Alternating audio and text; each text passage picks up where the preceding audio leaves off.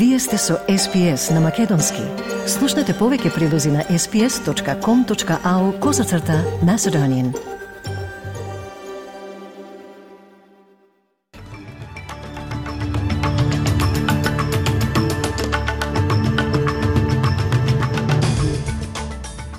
Од денешниот билтен вести издвојуваме. Премиерот на Папуа Нова Гвинеја се обрати пред австралискиот парламент. Новиот извештај открива дека Австралија треба да стане попаметна со својата држава.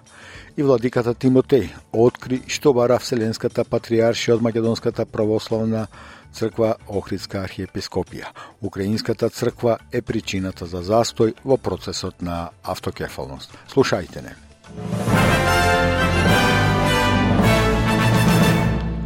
Премиерот на Папуа Нова Гвинеја, Джеймс Марапе, се обрати пред парламентот на Австралија. Во првото обраќање до парламентот на лидерот на Пацифичките острови, господин Марапе, ја препозна заедничката историја на двете нации, додека гледа на ината соработка. Папуа Нова Гвинеја стекна независност од Австралија во 1975 година. Господин Марапе вели дека се надева дека Австралија ќе продолжи да го поддржува својот најблизок сосед. I ask you, do not give up on Papua New Guinea. We have always bounced back from our low moments, and we will continue to grow, learning from every low moments and every high moments. We learn from past experiences.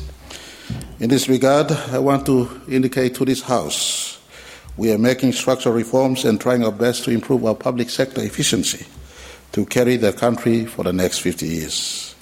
Нов извештај открива дека климатската криза и подемот на Кина треба да ја поттикнат Австралија да стане попаметна со својата држава.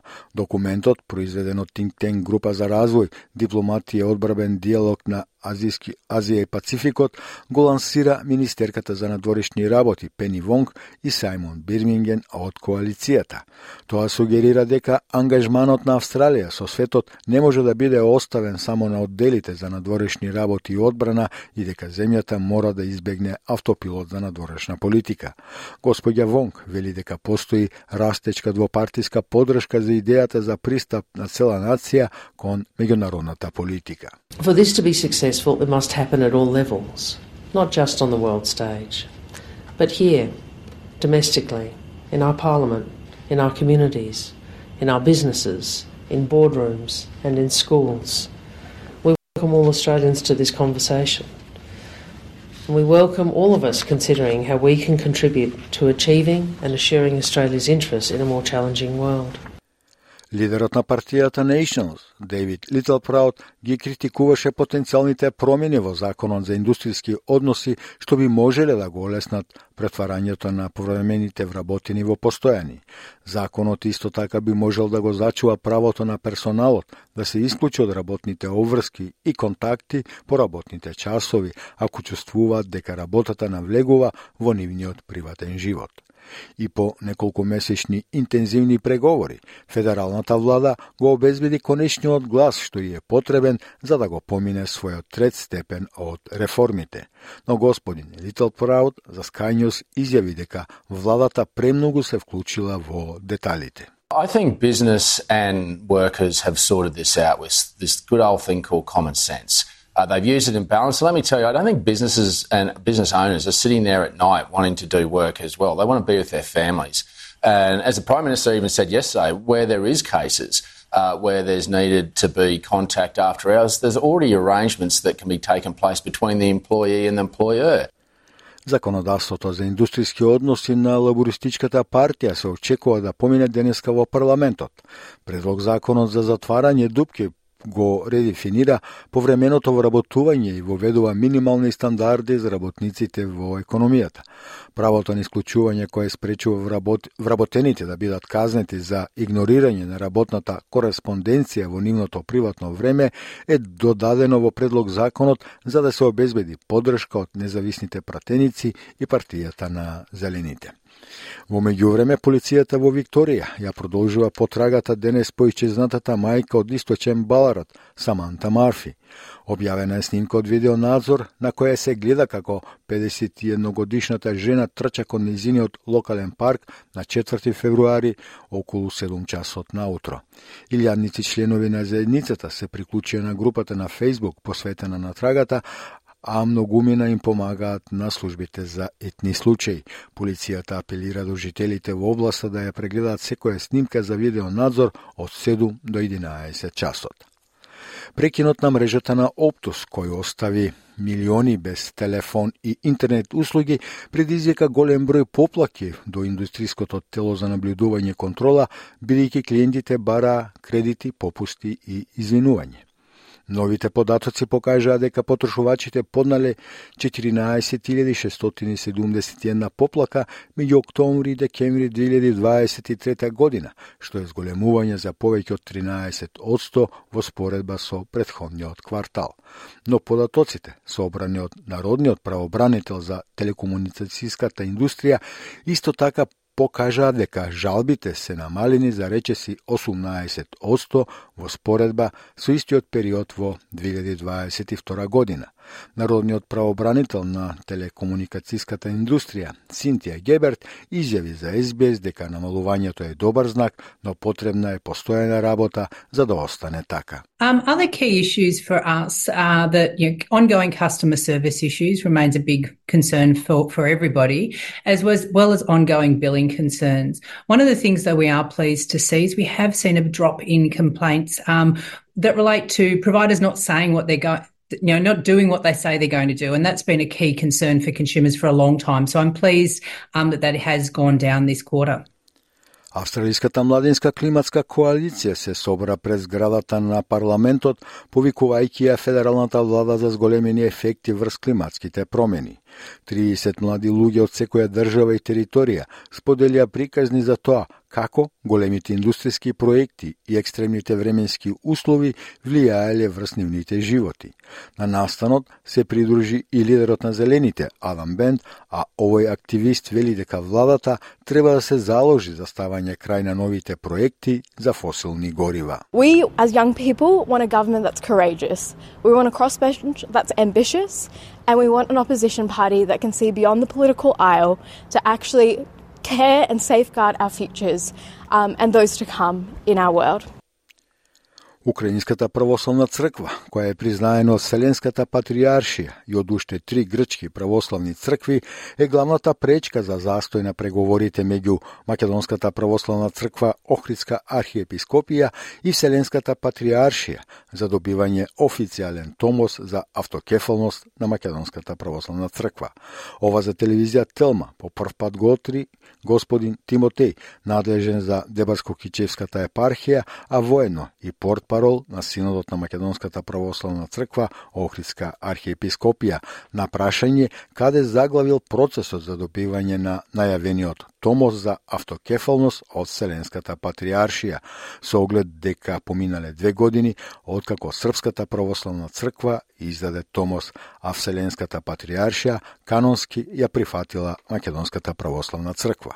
Преговори, договори и разговори мислам не се прекратени со Цариградскиот трон или со Вселенската патриаршија, но има некои прашања кои што ние во овој момент не можеме да ги прифатиме од канонски аспект гледано, а тие пак инсистират на, на нешто што е според нас и според канони не, не прифатливо во овој момент.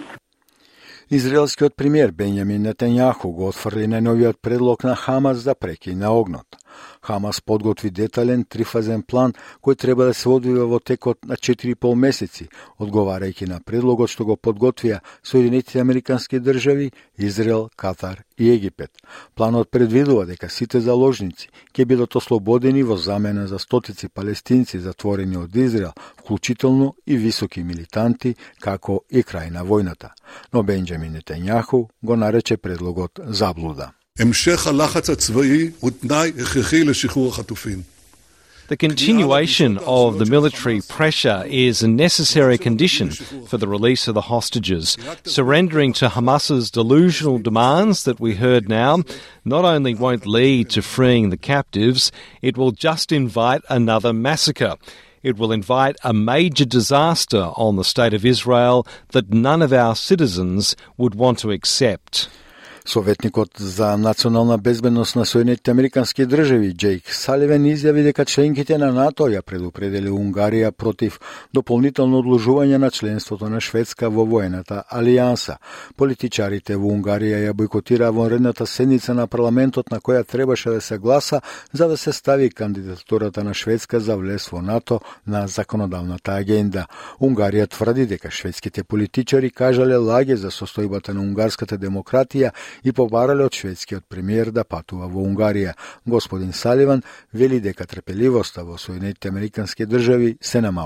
We heard security advisor after security advisor say that it's past time for Sweden to get in and to directly address the representative from, from Hungary to say, indeed, they are the last, and it's um, you know, a matter of credibility and obligation that they take the necessary steps uh, to complete the parliamentary process so that NATO can, in fact, welcome Sweden as the 32nd member.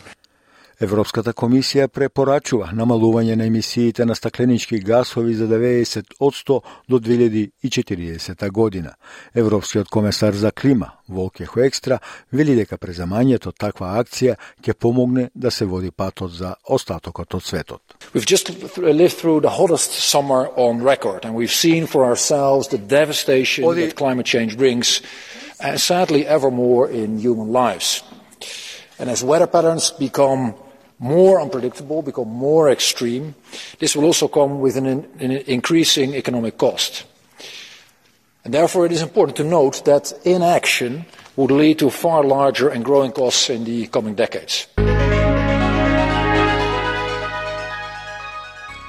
Оденовата деновата курсна листа денес еден австралијски долар се менува за 0,60 евра, 0,65 американски долари и 37,1 македонски денар, додека еден американски долар се менува за 56,88 македонски денари, а 1 евро за 61,12 македонски денари. И за крајот вестите временската прогноза за поголемите градови во Австралија за петок 9 февруари, Перт сончево со температура до 41 степен, Аделајд сончево до 29, Мелбурн облачно до 22 степени, Хобар делумно облачно до 23, Камбера сончево до 28, Сиднеј делумно облачно до 26, во Бризбен се очекуваат слаби кратки повремени врнежи со температура до 29 степени, во Дарвин можни врнежи и или Libura do 31 stepen i vo Ale Springs Sončevo su temperatura do 36 stepeni.